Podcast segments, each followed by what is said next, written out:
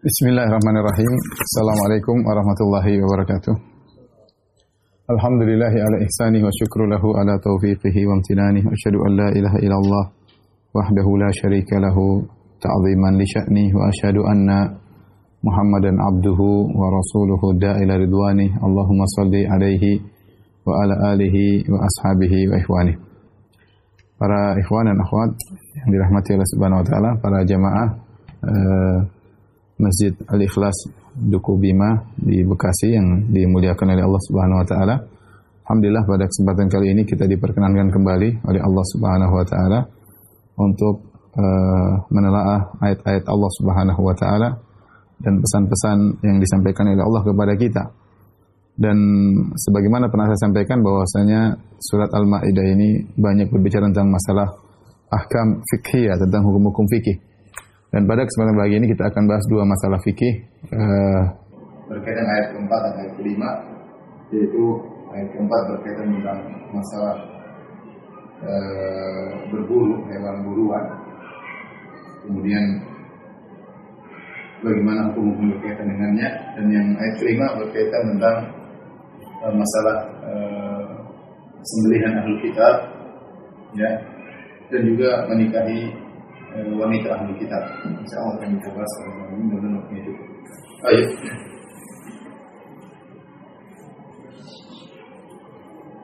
Uh, Ikhwan dan akhwat yang dirahmati Allah Subhanahu wa taala, uh, kita masuk pada ayat yang keempat. Allah Subhanahu wa taala berfirman, "Yas'alunaka madza uhilla lahum?" Yaitu mereka bertanya kepada engkau wahai Muhammad tentang apa yang dihalalkan bagi mereka. Kul uhilla lahu kul uhilla lahum at-tayyibat. Ya. Kul uhilla lakum at-tayyibat, ya. Dan katakanlah bahwasanya dihalalkan bagi kalian perkara-perkara yang baik. Wa ma 'allamtum minal jawarihi mukallibina tu'allimunahunna mimma 'allamakumullah, ya. Demikian juga yang dihalalkan bagi kalian selain yang baik-baik, perkara yang baik-baik, makanan yang baik, Demikian juga buruan yang ditangkap oleh binatang pemburu yang telah kamu latih untuk berburu. Ya, yang telah mimma alamakumullah dari apa yang Allah ajarkan kepada kalian, ilmu tentang mengajari hewan dalam uh, berburu. Kemudian kata Allah Subhanahu wa taala, "Fakulu mimma amsakna alaikum" ya. Maka uh, makanlah dari buruan yang ditangkap oleh hewan-hewan buruan kalian untuk kalian wadhkuru dan sebutkanlah nama Allah ketika kalian melepaskan hewan buruan tersebut. Wattaqullah dan bertakwalah kepada Allah. Innallaha sari'ul hisab. Sungguhnya Allah cepat hisab dan dalam perhitungannya. Uh, ini ayat. Uh, banyak sekali masalah fikih berkaitan ayat ini tapi kita uh, nyinggung sebagian saja tidak seluruhnya. Yang pertama uh, sebelumnya ayat sebelumnya ayat ketiga ya Allah Subhanahu wa taala menjelaskan tentang perkara-perkara yang haram.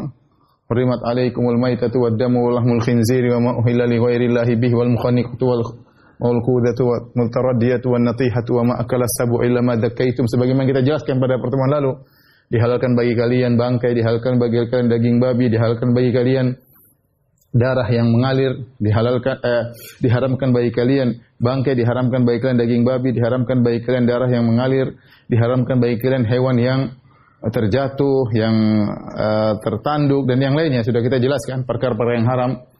Setelah itu Allah menjelaskan perkara yang halal. Yas'alunaka madza uhilla lahum. Mereka bertanya kepada engkau tentang apa yang dihalalkan bagi mereka. Dan ini metode Al-Qur'an.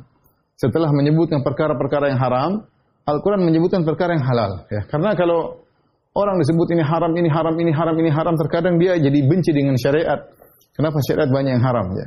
Maka Al-Quran perlu menjelaskan bahwasanya halal banyak. Ya. Halal itu banyak sekali. Makanya Allah mengatakan, Kul uhillalakum. Semua yang baik-baik halal. Semua yang baik-baik adalah halal. Jadi tidak perlu disebut satu persatu. Allah tidak menyebut satu persatu, katakanlah yang perkara-perkara yang baik ini sangat banyak, ya. Yang halal sangat banyak, ya. Yang halal sangat banyak. Dan ini dari bahwasanya hukum asal yang hukum asal sesuatu yang baik, hukum asal makanan yang baik adalah halal. Ya, karena Allah ketika menyebutkan Qul uhilla lakum thayyibat, katakan diharap dihalalkan bagi kalian thayyibat perkara-perkara yang baik, ya. Allah menyebutkan illah sebab penghalalannya karena perkara-perkara tersebut yang baik. Oleh karena seorang ketika mengajarkan syariat dia menggunakan metode tersebut. Kalau disebutkan yang haram, sebutkan yang halal. Ya, sebutkan yang terlarang, sebutkan jalan solusinya ya. Dan ini sering dalam Al-Qur'an demikian dan juga Nabi SAW juga memberi contoh demikian. Kalau sudah sebutkan yang haram, Nabi SAW uh, berikan uh, solusi ya. Uh, kemudian jadi segala perkara yang baik hukum asalnya adalah uh, halal, tidak memberi mudarat kepada tubuh, tidak memberikan mudarat kepada agama, tidak memberi mudarat kepada akal, ya maka hukum asalnya adalah halal. Setelah itu kata Allah, "Wa ma minal jawarihi." Dan apa yang kalian ajarkan minal jawarihi, jaw, jawarih maksudnya adalah hewan-hewan buruan, ya. Hewan-hewan buruan mukallibina yang kalian dalam kondisi mengajari anjing-anjing buruan tersebut tu'allimunahunna kalian mengajarkan hewan-hewan tersebut mimma 'allamakumullah dari apa yang Allah ajarkan kepada kalian. Ya. Al-jawarih di sini ya. Jamak dari jariha ya. Al-jawarih maksudnya adalah al-jariha adalah uh, hewan pemburu. Hewan pemburu pemburu. Di sini ada khilaf di kalangan para ulama, khilaf. Ya. Apakah hanya anjing saja atau kita tidak usah kita sebutkan aja bahwasanya uh, hewan pemburu di sini umum ya, umum mencakup seluruh seluruh hewan pemburu yang bisa diajar. Oleh karenanya di antaranya misalnya elang misalnya. Yang paling jelas adalah anjing yang paling sering ya. Anjing, kemudian misalnya macan misalnya ya. Misalnya serigala ya. Dan lain-lain ya. Semua yang bisa diajar untuk berburu maka masuk dalam al-jawarih, ya, al-jarihah yang maksud daripada hewan berburu ya. Uh, kemudian kata Allah mukallibin. Mukallibin uh, maksudnya kalian melatih anjing-anjing ya. Mukallibin dari kata kalb ya, kalb dari kata lafal kalb kaf lam ba ya atau kalb. Kalb ini bisa diartikan anjing, bisa diartikan uh, bisa diartikan apa namanya keras yaitu kalian melatih dengan keras ya. Kalau dalam kurung anjing. Yaitu kalian mengajari anjing-anjing tersebut. Ya. Tetapi penyebutan anjing di sini, penyebutan anjing di sini, ala sabilil ghalib ya, ala sabilil ghalib yaitu yaitu karena yang dominan, yang dominan. Dominan sebagai contoh bukan pembatasan. Karena sebenarnya mengatakan ini maksud cuma anjing aja yang boleh dilatih. Pendapat yang benar, seluruh hewan yang bisa untuk dilatih berburu boleh masuk dalam ayat ini. Boleh digunakan untuk berburu bukan cuma berkaitan dengan anjing. Adapun Allah menyebutkan anjing di sini sebagaimana salah satu pendapat karena anjing itulah yang sering digunakan untuk berburu. Anjing mudah dilatih. Kemudian yang paling banyak digunakan untuk berburu adalah anjing. Tetapi bukan membatasi bahwasanya selain anjing tidak boleh. Oleh karena yang benar uh, ini semua boleh. Di antara dalil juga ya uh, dalam hadis uh, karenanya dalam hadis Adi bin Hatim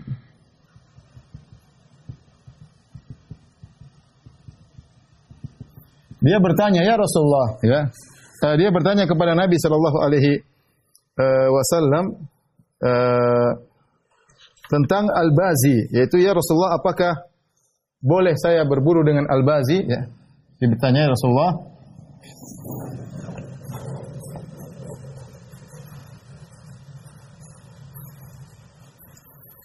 kata beliau sa'altu Rasulullah sallallahu alaihi wasallam uh, an Saidil Bazi.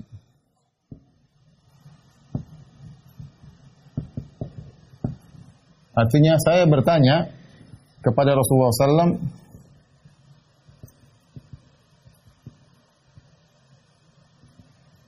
tentang buruan elang. Bagaimana hukumnya? Nabi menjawab sallallahu alaihi wasallam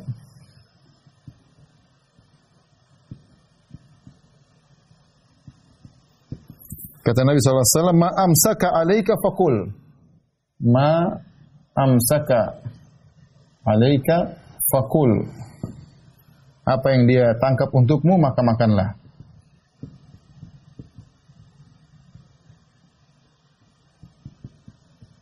Maka makanlah. Jadi halal.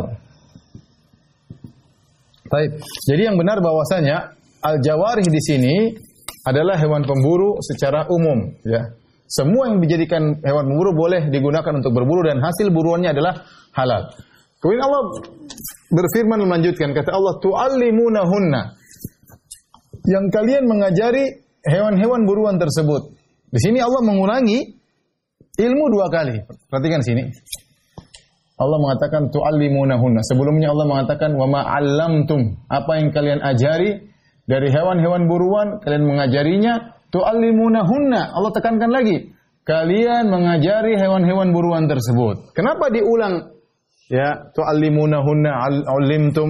Sebagian Allah mengatakan bahwasanya ini persyaratan, ya. Syarat, ya. Uh, lafal lafal kalian mengajari mengajarinya nah, diulang dua kali diulang sebagai penekanan. Yaitu kalian maksudnya benar-benar harus mengajari hewan-hewan tersebut. Bukan asal-asalan. Karena kalau asal-asalan hewan tersebut tidak merasa diajari, sehingga dia makan untuk dia, bukan untuk kalian. Nah kalau hewan tersebut makan untuk dia, berarti haram bagi kalian. Jadi kalian harus benar-benar mengajari, ya, mengajari hewan tersebut. Sebenarnya mengatakan perhatikan, jika uh, jika hewan saja, ya, harus diajari dengan benar.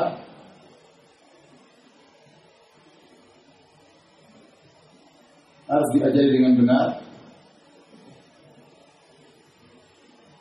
Bagaimana lagi dengan manusia? Manusia. Bagaimana lagi dengan ilmu agama? Maka harus lebih hati-hati lagi. Ini isyarat seorang harus selektif tatkala belajar ilmu dunia apa pun selektif agar kita benar-benar paham tentang ilmu dunia apalagi ilmu agama maka harus lebih selektif sementara Allah menyuruh kalau ngajarin hewan-hewan anjing, elang, macan, serigala harus serius ngajarinya untuk bisa berburu dengan baik Kenapa? Karena konsekuensinya kalau mereka tidak diajari, kemudian hewan-hewan tersebut makan untuk dirinya sendiri, maka hukumnya jadi haram, bukan halal bagi kalian. Setelah itu Allah di akhir ayat berkaitan dengan pengajaran kata Allah Subhanahu wa taala, mimma alamakumullah. Kata Allah Subhanahu wa taala, ingatlah ya, bahwasanya ilmu kalian bisa mengajari, ya. Ingatlah ilmu kalian bisa mengajari hewan-hewan itu ya Allah yang ajarkan. Peringatan peringatan agar tidak ujub. Allah ingatkan ilmu mengajari hewan hewan berburu itu dari Allah. Hewan pemburu itu dari Allah. Ya. Nah, kata para ulama, kalau ilmu untuk mengajari hewan saja Allah bilang itu dari Allah, bagaimana lagi ilmu untuk mengajari manusia? Jadi karenanya ini adalah nikmat ya. Nikmat yang pertama Allah sebutkan kepada uh, kaum muslimin adalah nikmat ilmu. Allah sebutkan tentang perkara-perkara yang baik bagi kalian, yang halal bagi kalian. Ya, setelah itu Allah jelaskan sini mengenai masalah makanan hasil buruan. Tapi Allah sebutkan sebelumnya tentang ilmu, bahwasanya semua itu bisa menjadi halal bagi kalian Karena ilmu yang kalian dapatkan dari Allah, kalian gunakan untuk mengajar hewan-hewan tersebut. Maka jadilah hewan bur hasil buruannya adalah halal. Jadi ini nikmat ilmu adalah nikmat yang harus diperhatikan oleh seseorang. Allah sebutkan nikmat ilmu sebelum nikmat yang yang lainnya. Oleh karenanya, uh, kalau seorang tidak ingat akan hal ini, dia lupa bahwasanya ilmunya dari Allah, maka dia menjadi kufur nikmat. Kufur nikmat. Dan di antara kufur nikmat adalah kufur Lupa bahwasanya nikmat yang dia miliki dari Allah, ilmu yang dia miliki dari Allah di antara bentuk kufur nikmat lupa bahwasanya nikmat ilmu yang dia dapatkan adalah dari Allah Subhanahu wa taala. Ya, gara-gara lupa akan hal ini, lupa bahwasanya ilmu dari Allah bisa menimbulkan kekufuran-kekufuran yang lainnya. Lihatlah Qarun, kenapa dia menjadi kufur, sombong dan angkuh karena dia lupa ilmu dia dari Allah. Makanya ketika di, dia sombong dia berkata innama utituhu ala ilmin indi. Sungguhnya aku ini kaya raya karena aku punya ilmu, karena aku punya ilmu. Dia lupa bahwasanya ilmu tersebut dari Allah Subhanahu wa taala. Langkah awal dia keliru, lupa bahwasanya nikmat ilmu dari Allah Subhanahu membuat dia bisa bekerja, membuat dia bisa pintar sehingga dia terjerumus pada kekufuran-kekufuran yang lainnya. Maka Allah ingatkan, wahai kaum muslimin, ilmu yang kalian anggap sederhana, mengajari hewan sehingga bisa berburu untuk kalian, itu ilmu dari Allah Subhanahu wa taala. Bagaimana lagi ilmu pengajaran terhadap manusia. Bagaimana lagi ilmu tentang agama semuanya dari Allah Subhanahu wa taala. Kemudian kata Allah, "Fakulu mimma amsakna 'alaikum." Makanlah dari hewan buruan yang dia tangkap untuk kalian. Bukan dia tangkap untuk dirinya. Perhatikan. Bukan dia tangkap untuk dirinya. Bukan tangkap untuk dirinya. Wadhkur smallah alaihi dan sebutlah nama Allah atasnya ketika melepaskannya. Di sini kita akan bahas ikhwan dan akhwat yang dirahmati oleh Subhanahu wa taala ya tentang uh, syarat hewan buruan jadi halal ya. Syarat hewan buruan halal. Apa syaratnya? Ada beberapa syarat. Uh, yang pertama, dia harus muallam. Muallam itu diajar. Diajar, terlatih. Karena kalau dia tidak muallam maka tidak boleh ya. Kemudian uh, yang kedua mengucapkan nama Allah nama Allah ketika melepaskan ketika melepaskannya. Kemudian yang berikutnya yang ketiga adalah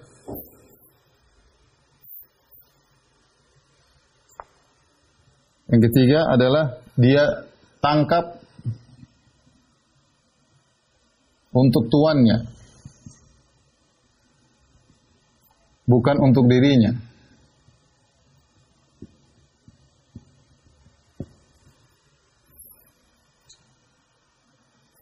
Kemudian yang keempat, jika didapati hewan buruan masih hidup,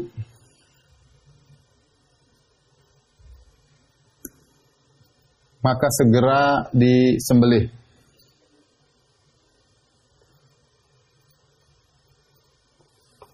Tapi ini di antara empat syarat ya yang uh, disebutkan oleh atau kita ambil kesimpulan dari ayat ini sehingga hewan buruan menjadi halal. Yang pertama harus terlatih atau di, diajar, ya.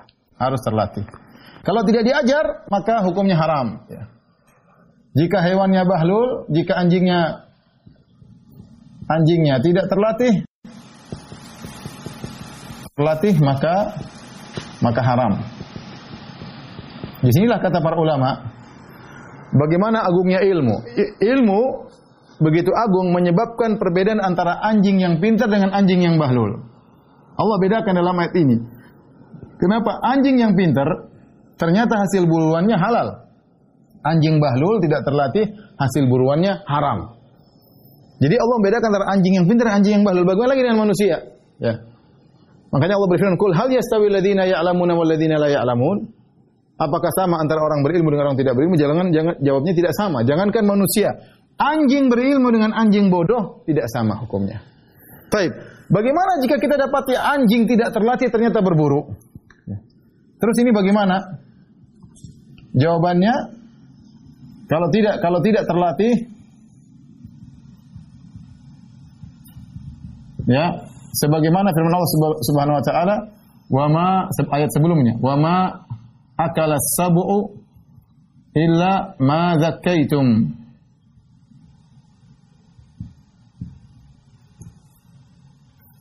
illa ma zakkaitum yang artinya di antara yang haram adalah hasil buruan yang dimakan oleh binatang buas di antaranya anjing illa madzakaitum kecuali yang sempat kalian sembelih.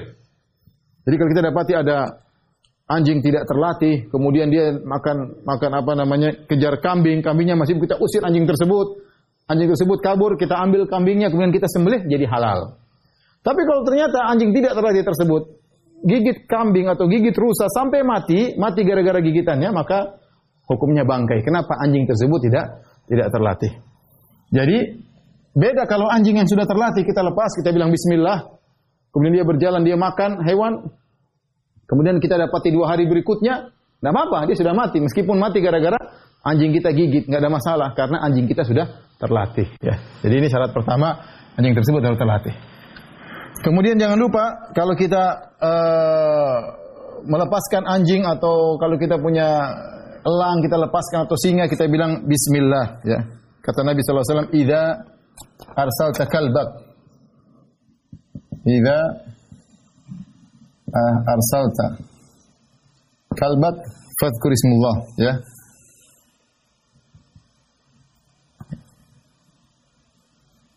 ya. Uh, jika engkau melepaskan anjing maka ucapkanlah nama Allah ya. Jika wa dzakarta smallah alaih ya wa dzakarta smallah alaih jika engkau melepaskan anjingmu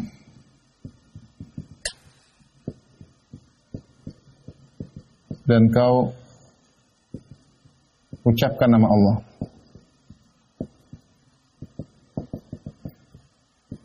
jadi boleh Kemudian yang berikutnya, syarat berikutnya, dia tangkap untuk tuannya bukan untuk dirinya. Dia tangkap untuk tuannya bukan untuk dirinya. Saya bacakan dalam uh, satu hadis ya. Uh, Rasulullah SAW berkata, "Idza arsalta kalbaka wa dzakarta smallah alaihi, fakul fa in akala minhu fala ta'kul fa innahu innama amsaka ala nafsik." Kata Nabi, "Fa in akala minhu fala ta'kul fa innama amsaka ala nafsihi jika kau dapati anjing tersebut makan makan buruan maka jangan kau makan maka jangan kau makan kenapa karena berarti karena dia nangkap buat dia. Nangkap buat dirinya sendiri, bukan buat kamu. Dirinya sendiri ya. Baik. Jadi perhatikan lihat kalau ditangkap ternyata dia uh, makan buat dirinya sendiri maka tidak boleh kita kita makan. Baik, bagaimana lagi kasus jika didapati anjing yang lain? jika didapati anjing yang lain. Yang lain bersama anjing kita. Baik, kasusnya kita dapati kita lagi ngejar rusa, tahu-tahu rusanya perhatikan sini, ini semua pembahasan sudah mati ya, rusanya sudah mati. Kalau misalnya anjing kita makan, dia makan sini tapi ternyata belum mati, masih digigit eh, apa misalnya dia tangkap kambing terus digigit uh, kakinya, dia makan, tapi kambingnya masih hidup, kita masih bisa sembelih selesai. Kita ambil kambing tersebut kita sembelih halal. Berarti kita menyembelih langsung. Pembahasan kita bagaimana jika ternyata kita dapati buruan tersebut sudah mati. Kalau kita dapati buruan tersebut sudah mati, berarti kan yang matikan anjing kita. Ternyata kita dapati anjing tersebut sudah makan. Nah, berarti ini buat dia. Tidak boleh kita ambil. Berarti dia tadi dia berarti berburu buat dirinya, bukan buat kita.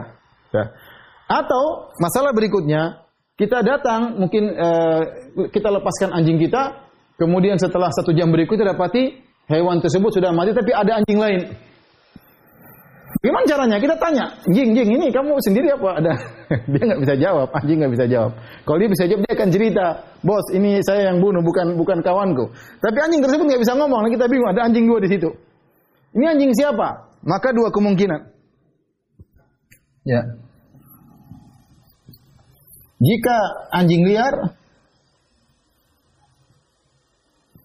maka haram dimakan. Maka buruan haram.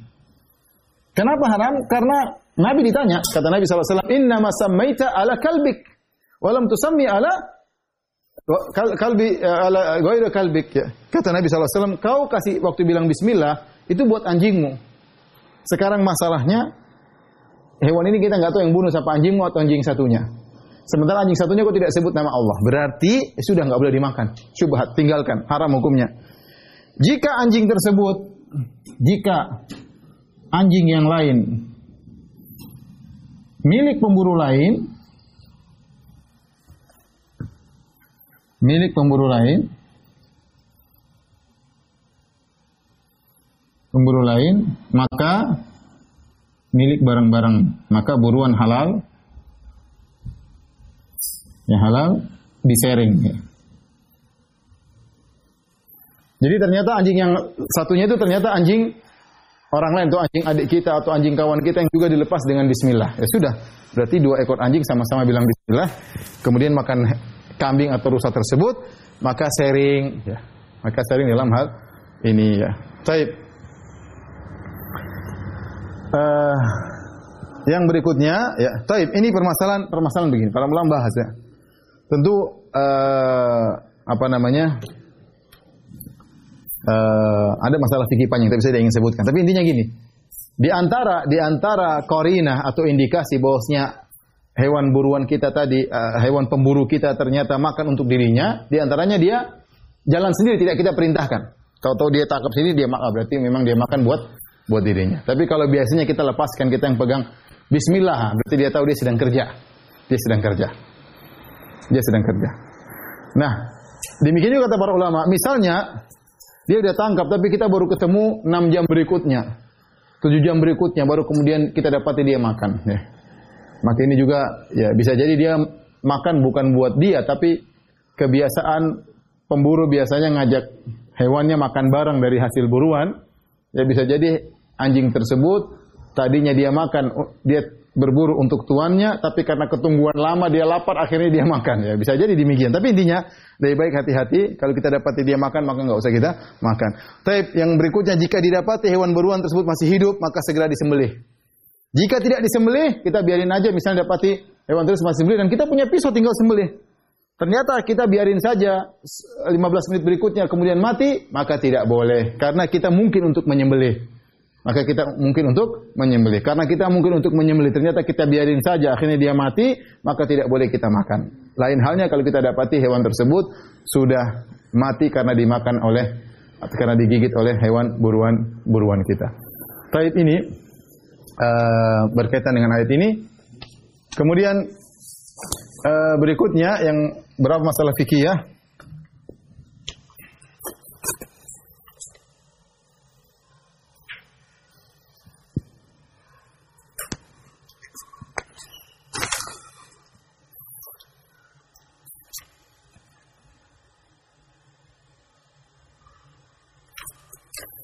Taib hukum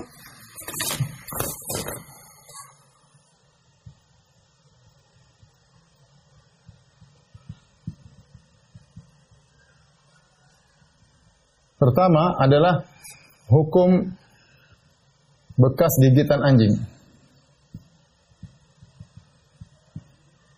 Anjing di hewan buruan, di hewan buruan.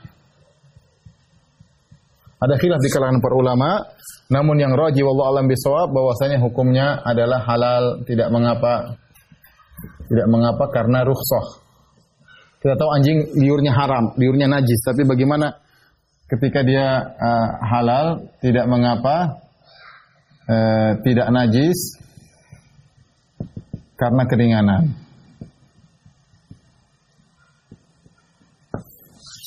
Uh, perkara berikutnya hukum memelihara anjing. Hukum memelihara anjing. Ya, memelihara anjing. Bagaimana anjing? Ya, ada dua model yang diizinkan, yang tidak diizinkan. Yang diizinkan dalam hadis yaitu apa? Anjing masyiyah, ya. Anjing berburu pertama Said kalbu Said, anjing berburu. Kemudian anjing uh, penjaga hewan ternak, kemudian anjing uh, penjaga uh, tanaman ya. Maka ini yang diizinkan. Ini diizinkan, hukumnya tidak mengapa, tidak mengapa, dan tidak mengurangi pahala.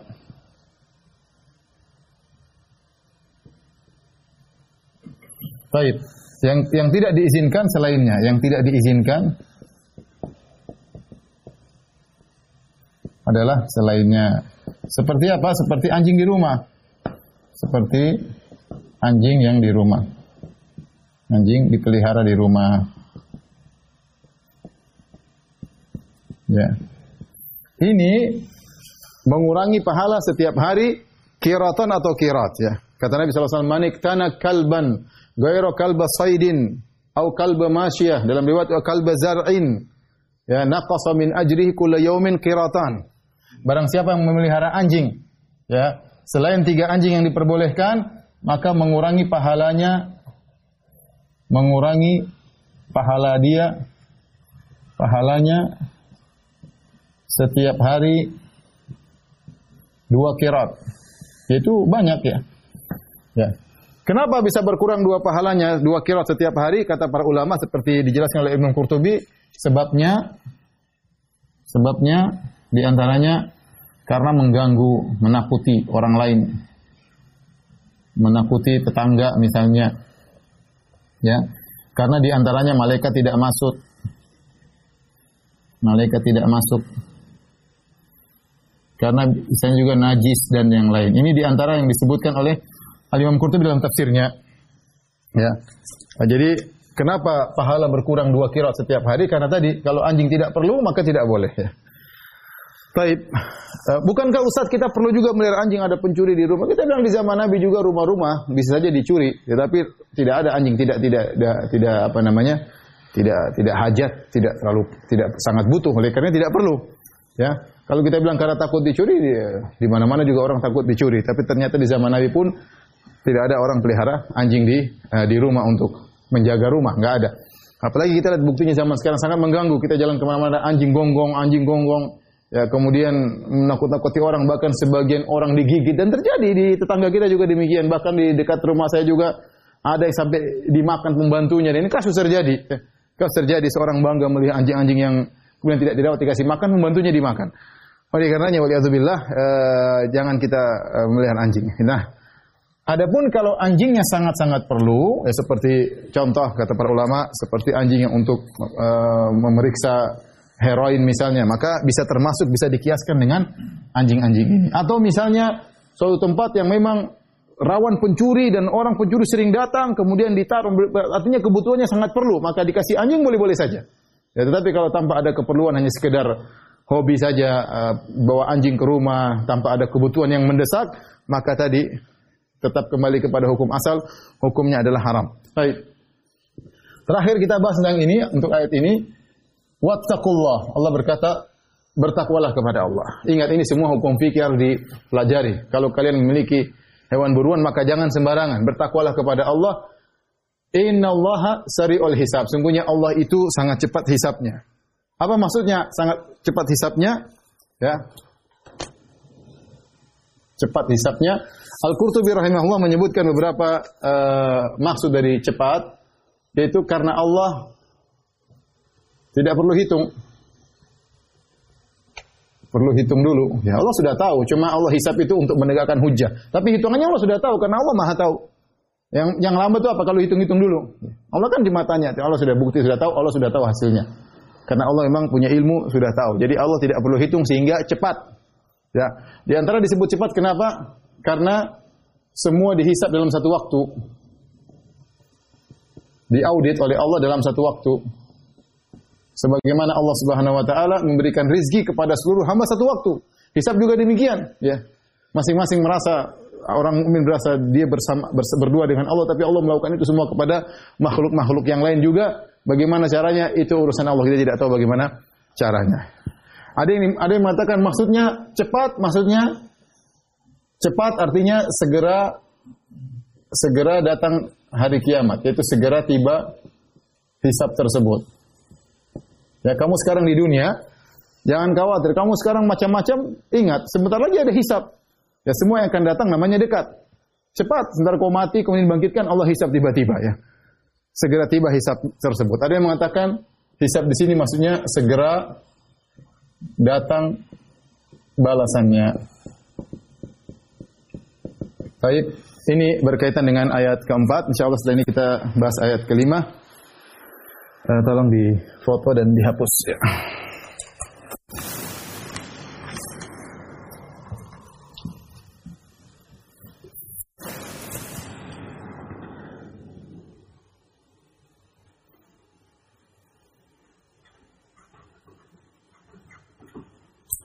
Dari hal yang kita tahu bahwasanya sebagian anjing boleh dipelihara, sebagian anjing boleh uh, dilatih.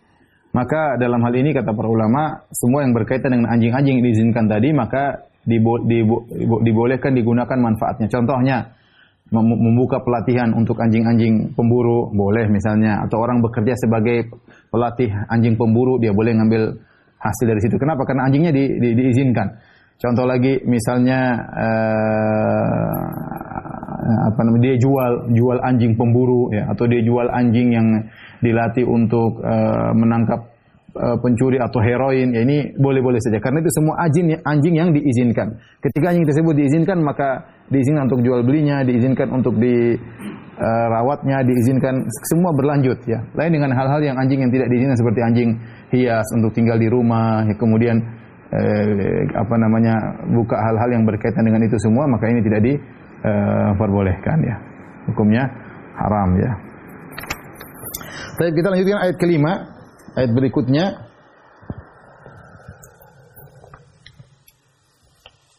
Allah Subhanahu wa taala.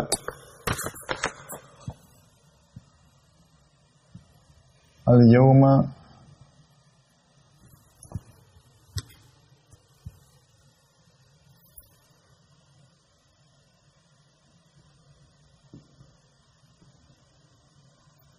اليوم أحل لكم الطيبات. طعام الذين أوتوا الكتاب حل لكم.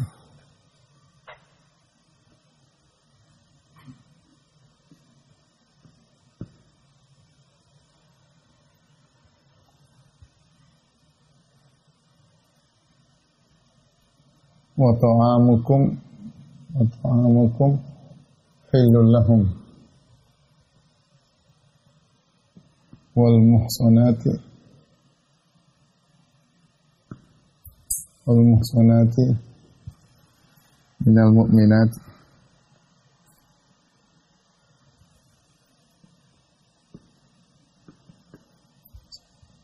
والمحصنات من المؤمنات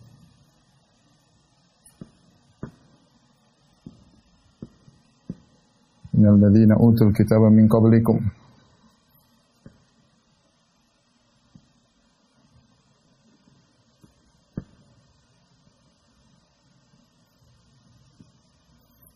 إذا آتيتموهن أجورهن.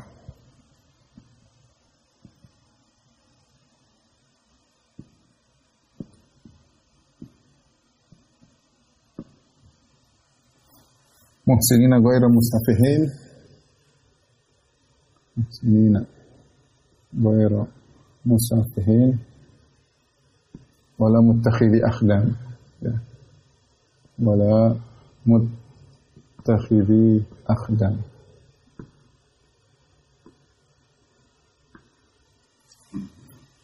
Baik. Ayat yang kelima.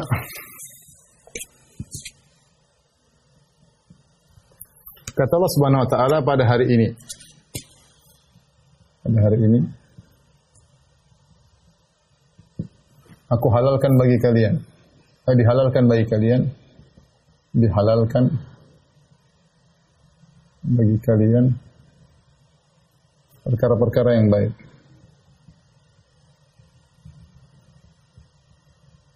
Wa ta'amul ladzina utul kitaba lakum. Makanan ahli kitab halal bagi kalian. Dan makanan kalian halal bagi mereka. Dan makanan kalian halal bagi mereka.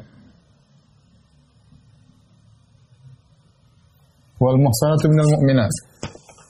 Wanita-wanita mukminah yang menjaga diri, afifat yang menjaga diri. Dihalalkan juga bagi kalian tentunya.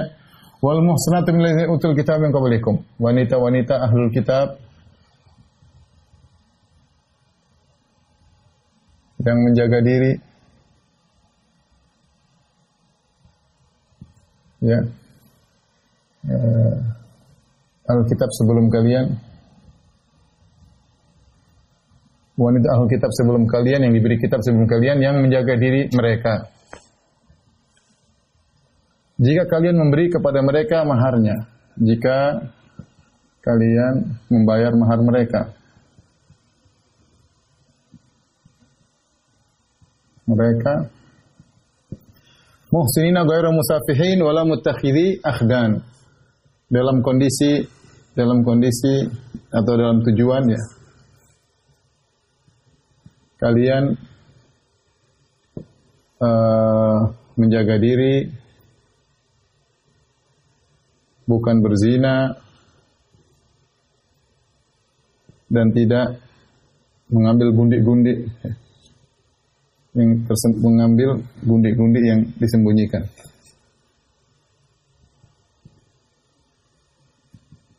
pacar-pacar yang disembunyikan. Kemudian di akhir ayat kata Allah Subhanahu wa taala, "Wa may yakfur bil imani faqad habita 'amaluhu." Ya.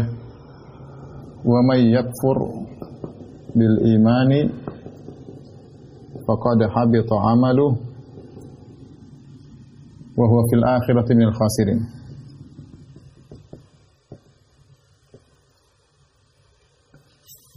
selesai ayat kelima yaitu barang siapa yang kufur kepada iman, siapa yang kufur kepada iman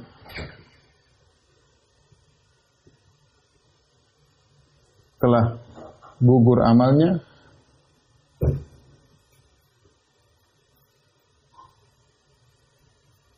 dan di akhirat termasuk merugi, di akhirat merugi Baik, kita akan bahas tentang ayat yang kelima ini yang berkaitan dengan dua permasalahan hukum fikih yaitu masalah makanan ahlul kitab uh, dan juga uh, masalah menikahi wanita ahlul kitab ya. Di sini ketika Allah sebutkan tentang kenikmatan pada hari ini, ada yang mengatakan di hari Arafah ya, ya berkaitan dengan turun ayat yang Allah telah menyempurnakan agama. Kata Allah, "Uhilla lakumut thayyibat." Ya, dihalalkan bagi kalian perkara-perkara yang baik. Dan di sini Allah Subhanahu wa taala menyebutkan perkara-perkara yang baik di sini adalah antaranya masalah makanan dan pernikahan. Makanan dan pernikahan yang akan Allah jelaskan ya. Pernikahan yang akan dijelaskan oleh Allah.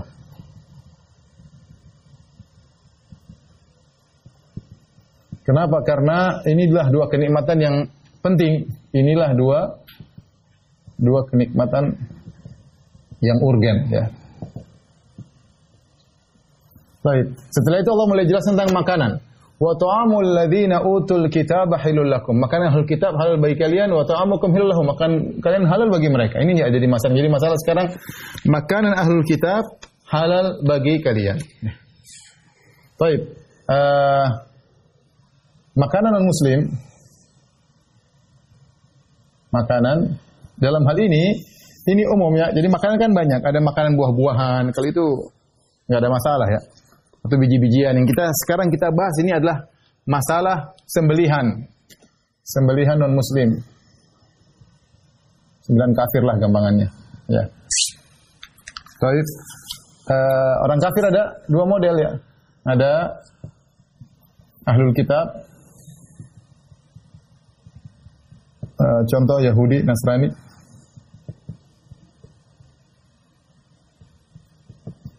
Non ahlul kitab Contohnya apa? Uh, uh, Buddha, Hindu, ya. musyrikin Arab dulu, musyrikin Majusi, ya. apalagi Konghucu, apalagi ateis, apalagi ateis tanpa Tuhan dan lain-lain ya. ya. Uh, adapun ini maka maka maka sembelihannya haram. Ya. Contoh seorang pergi ke Jepang ya. ya kemudian ada orang Jepang yang beli Jepang non muslim maksudnya. Uh, dan dia bukan Nasrani dan dia bukan Yahudi atau di Korea misalnya. Ya, kemudian disembelih ayam maka tidak boleh. Karena dia bukan ahlul kitab. Bukan ahlul ahlul uh, kitab. Yang halal makan cuma Yahudi Nasrani. Ini pun Nasrani ada khilaf tentang Nasrani Bani Taglib ya. Khilaf tentang Nasrani Arab.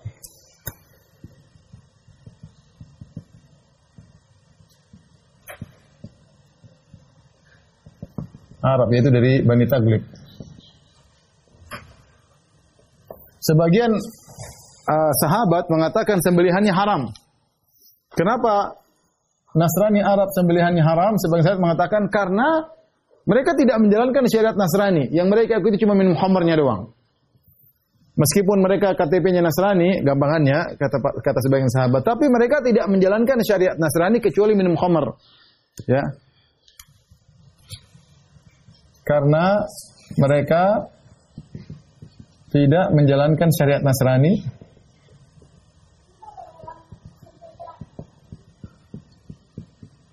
Nasara kecuali minum khamar. Minum khamar doang. Dari sini ada khilaf. Sebagian sahabat mengatakan khilaf. Akhirnya apa? Khilaf.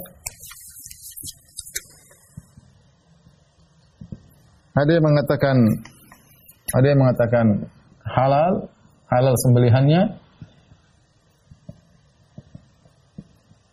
Ada yang mengatakan haram, ya haram karena tidak dihukum Nasrani. Dari sini kita tahu, dari sini kita tahu perhatikan, ketika para sahabat khilaf tentang masalah Nasrani Bani Taglib yang dia KTP-nya Nasrani tapi dianggap sebenarnya tetap haram. Kenapa? Karena dia tidak menjalankan syariat Nasrani. Bagaimana dengan ateis? Ya. Jadi zaman sekarang ini banyak ateis, ya, banyak ateis di Eropa, di Eropa yang KTP-nya Nasoro. Inilah ketika saya di sebagian negara Eropa, teman-teman di sana cerita, Ustadz, bagaimana hukum kita membeli eh, ayam potong di rest, apa di supermarket mereka? Saya bilang, kenapa? Kan mereka kan ahlul kitab. Kata kata teman-teman yang tinggal di sana, tidak Ustadz, mereka itu ateis. Mereka tidak kenal agama, KTP-nya saja Nasoro. Tidak pernah ke gereja, tidak pernah ibadah, nggak pernah kalau ditanya Tuhan tidak ada, kamu tahu, ya mereka bilang Tuhan tidak ada. Nah kalau kamu sudah tahu mereka ateis, maka hukumnya tidak boleh. Meskipun dia Nasoro. Karena dia ateis tapi KTP-nya Nasoro, maka hukum sembelihnya haram. Ya. Baik. Adapun kita, ketika kita berbicara tentang uh, sembelihan Yahudi dan Nasrani, ya, maka ada khilaf di kalangan para ulama khilaf tentang uh, apakah disyaratkan mereka menyembelih dengan nama Allah, nama Allah juga atau tanpa nyembelih, tanpa nyebut nama Allah sama sekali. Ini ada khilaf di kalangan para ulama. Pendapat pertama mengatakan disyaratkan. Mereka juga nyebut nama Allah.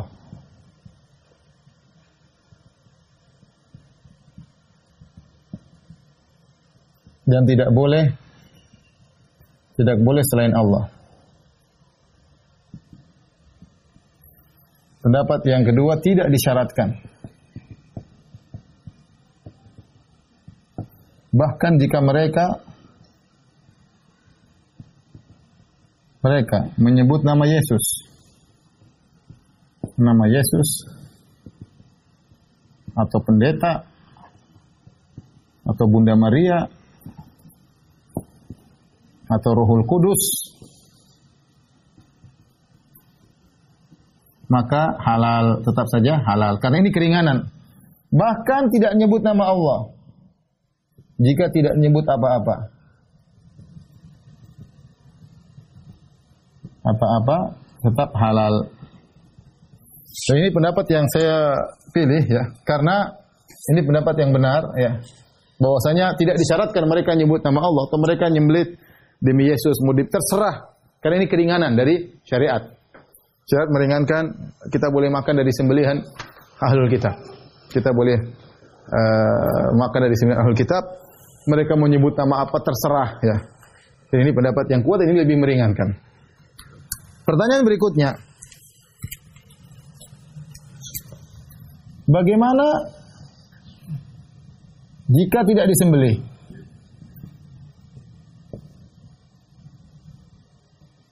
Ternyata tidak disembelih secara syar'i, cuma ditusuk misalnya sapinya dengan tidak disembelih di di leher misalnya, ya. Ya. Harusnya kambing disembelih, harusnya onta disembelih, sapi disembelih tidak. Mereka ternyata sapinya ditembak kepalanya, misalnya. Atau ditikam perutnya misalnya, tahu-tahu mati digiling tiba-tiba seperti itu. Seperti kita lihat dalam sebagian apa namanya di video klip seperti itu, dibuat daging kornet ya, mafrum ya. Kemudian dimasukkan dalam penggilingan langsung tanpa disembelih. Bagaimana? Dan mereka apalagi zaman sekarang ahli kitab tidak peduli. Maka bagaimana hukumnya? Kalau dia sembelih nggak ada masalah. Dia sembelih mau bilang bismillah, nggak bilang bismillah, nama Yesus, nama Ruhul Kudus, mau nama pendeta ini, mau terserah yang penting sembelih, maka pendapat yang benar halal. Ini masalah bagaimana jika tidak disembelih. Cuma ditusuk atau lemparkan tadi. Maka ini ada khilaf. Ini ada khilaf Ada yang mengatakan boleh atau halal, ada yang mengatakan haram. Ya. Yang mengatakan boleh, mereka mengatakan karena ayat datang mutlak dan asalnya ayat adalah memberi keringanan, terserah e, bagaimana caranya yang penting dari ahli kitab kita terima. Ya, ketika Nabi SAW dikasih hadiah oleh wanita Yahudiyah makan kambing, Nabi tidak tanya gimana cara menyembelih kambing tersebut. Pokoknya Nabi dikasih Nabi makan. Ini pendapat pendapat yang kedua lebih hati-hati haram. Ya. Kenapa? Pendapat kedua mereka berdalil orang Islam saja yang jelas halal kalau dia caranya begitu jadi haram apalagi ahlul kitab. Apalagi kalau kita dalilnya sangat sangat sederhana. Apa membabit apa apa namanya kias aulawi. Kalau lebih utama kalau orang Islam saja yang melakukan demikian masukin kambing langsung di tempat penggilingan tanpa disembelih haram hukumnya. Jadi bangkai ya. Itu orang Islam aja. Apalagi orang ahlul kitab ya. Oleh karenanya uh, hukumnya haram. Tetapi ini memang yang mengatakan boleh juga ada sisi pendalilan karena tadi Allah memberi keringanan kepada ahli kitab. Tapi pendapat yang dipilih oleh Syekh Utsaimin rahimahullah adalah hukumnya haram. Allah alam bisawab tentunya lebih hati-hati ya. Nah, makanya jangan sering ke mana ke luar negeri kecuali kalau dalam kondisi perlu kalau enggak bawa apa namanya ikan asin ya. Baik. Bahasan berikutnya Eh, bagaimana hukum menikah dengan wanita ahlul kitab. Ya. Berikutnya. Ini kita selesaikan dulu.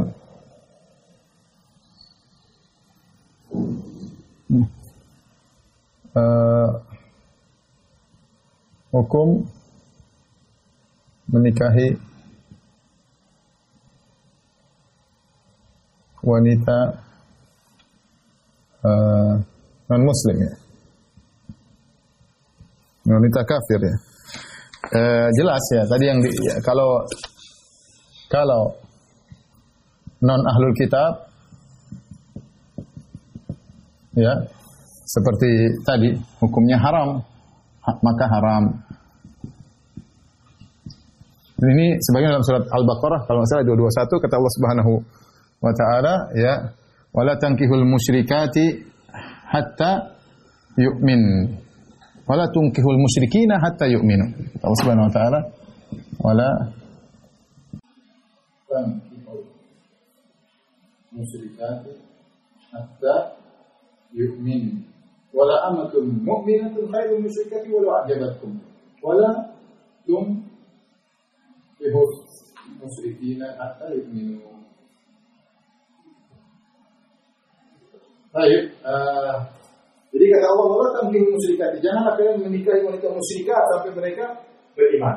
Sampai mereka beriman. Ini dalil uh, bahwasanya non ahli kitab hukumnya haram. Ayat ini ayat ini turun di luar. Sebagian lama berpendapat Ayat ini mencakup juga ahlul kitab namun akhirnya dimansuhkan atau dikhususkan dengan surat Al-Maidah ayat kelima yaitu ayat ini wal muhsanatu minal ladzina utul kitab.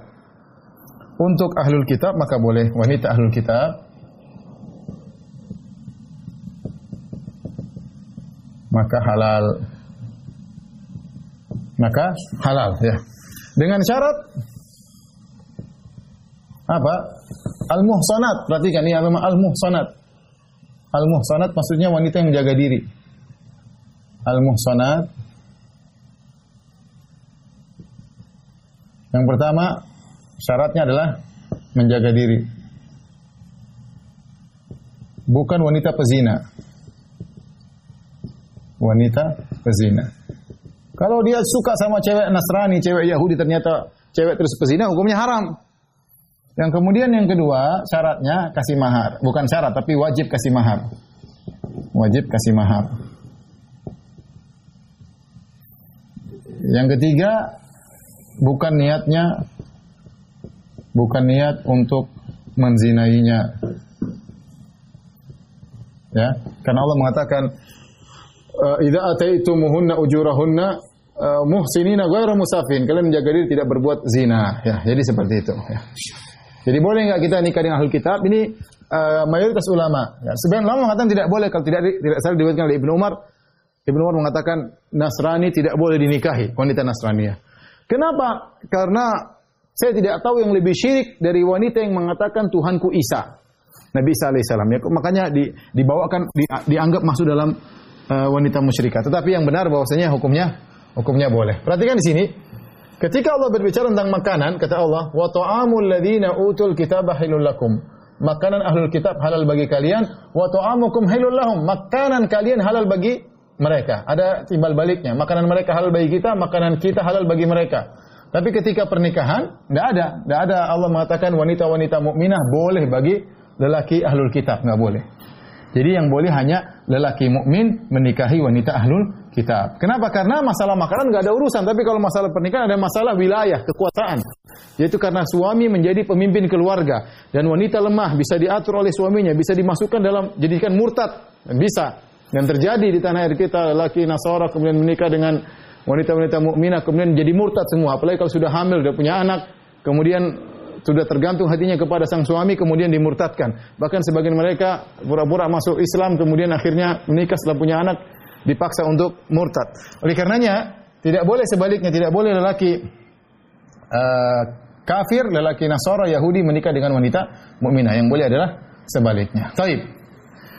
Perhatikan di sini, ketika Allah menghalalkan lelaki mukmin menikah dengan wanita ahlul kitab, bukan berarti Allah menganjurkan, perhatikan.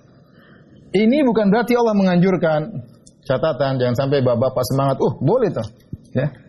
Sebagai istri kedua Yahudi, istri ketiga Nasrani, masya Allah. Istri keempat Islam lagi, mantap ya. Bukan berarti Allah menganjurkan.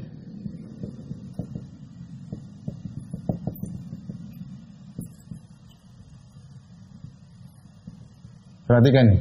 Apa dalilnya? Dalilnya pertama Allah mendahulukan penyebutan wal muhsanatu minal mu'minat. Pertama Allah mendahulukan wanita mukminah.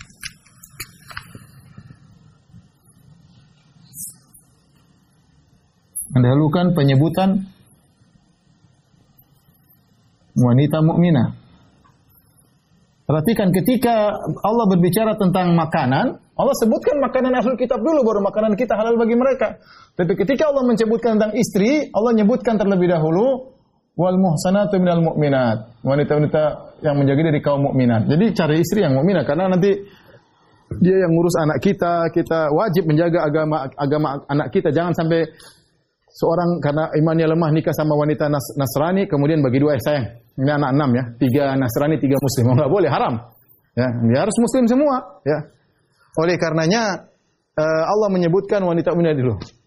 Bukankah Nabi mengatakan idza ja'akum idza ja'akum man tardawna tardawna dina wa khuluquh. Jika datang orang yang kemudian cocok agamanya ya untuk laki-laki ya kemudian untuk wanita kata Nabi wasallam uh, fadhfar bi din taribat yadak. Dapatkanlah wanita yang memiliki agama. Kalau tidak kau akan merugi ya. Baik, jadi ini pertama. Yang kedua, yang kedua di akhir ayat di akhir ayat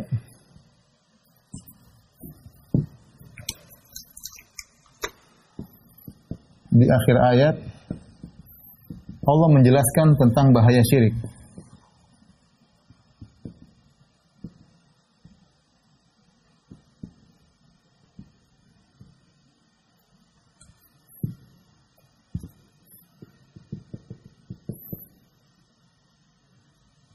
Bahaya syirik. Ini di sini.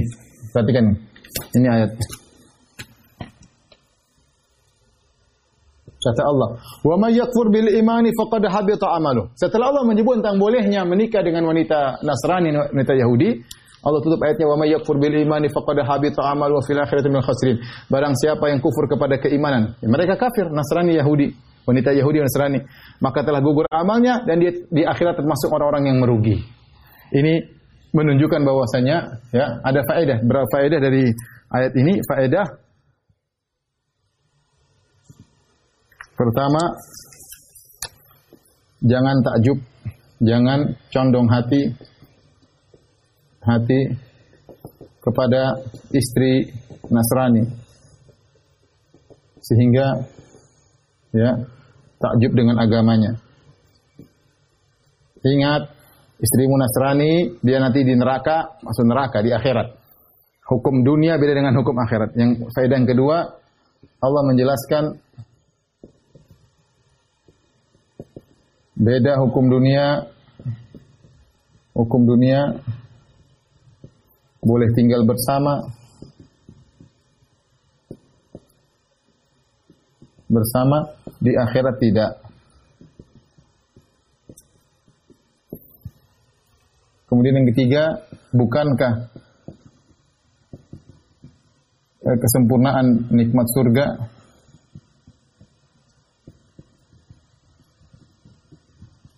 Dikumpulkan bersama istri.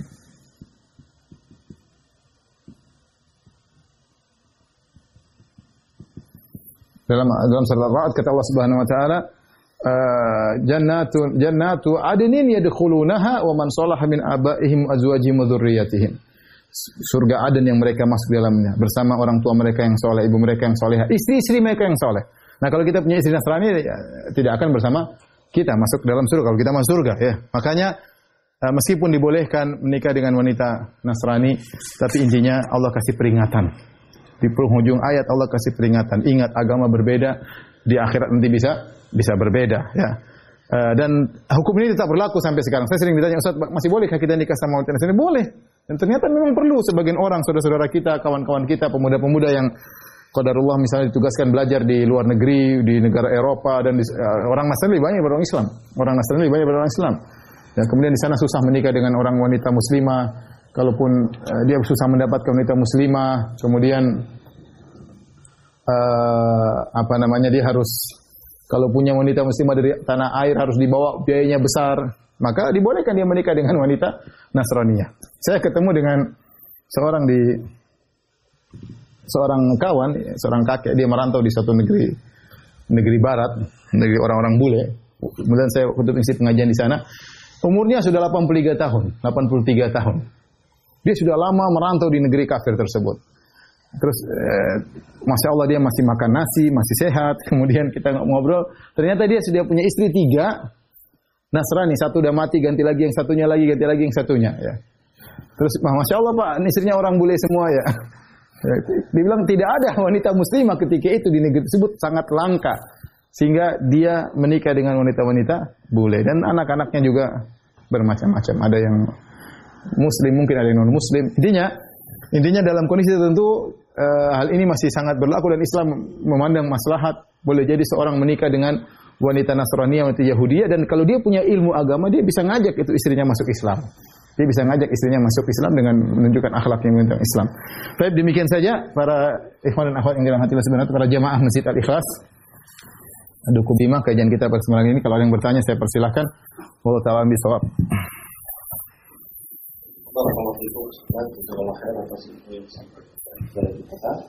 Ada beberapa pertanyaan Ustaz, namun demikian memang eh, banyak pertanyaan yang masuk sudah terjawab di menit-menit akhir. Ada beberapa pertanyaan yang akan Anda bacakan. Pertama, Ustaz bagaimana hukumnya bila kita hadir ke saudara atau hubungan keluarga family yang non muslim dalam dalam kurung Batak mohon maaf. Sajikan makanan.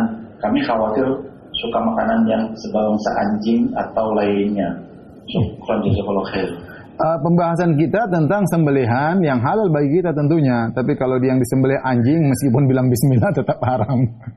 Sama yang disembelih babi mengucapkan bismillah Allahu akbar tetap aja haram. Pembahasan kita adalah tentang misalnya dia sembelih kambing, ayam, sapi, ya itu. Itu yang sedang kita bahas. Adapun kalau dia sembelih anjing, sembelih sapi, maka hukumnya haram meskipun bilang Bismillah. Nah kalau kita tahu dia suka makan har babi, suka makan anjing, maka kita ambil buah-buahan aja, buah-buahan kita ambil uh, kue, kita jangan ambil yang yang haram. Saya pernah juga diundang atau uh, kawan, kawan punya kawan ya, orang uh, orang Hindu waktu itu ya, orangnya baik. Kemudian dia bikin tempat yang situ ada babi, sini yang bagian orang Islam. Ya, saya bahkan ketemu orang Islam ngobrol dengan dia, yang bagian babi saya tidak tidak datangi ya. Demikian juga sebagian restoran terkadang ada disediakan makanan babi ya atau anjing dan teman-temannya, maka kita pergi yang bagian ikan aja, jangan makan babi dan anjing. Baik, silakan.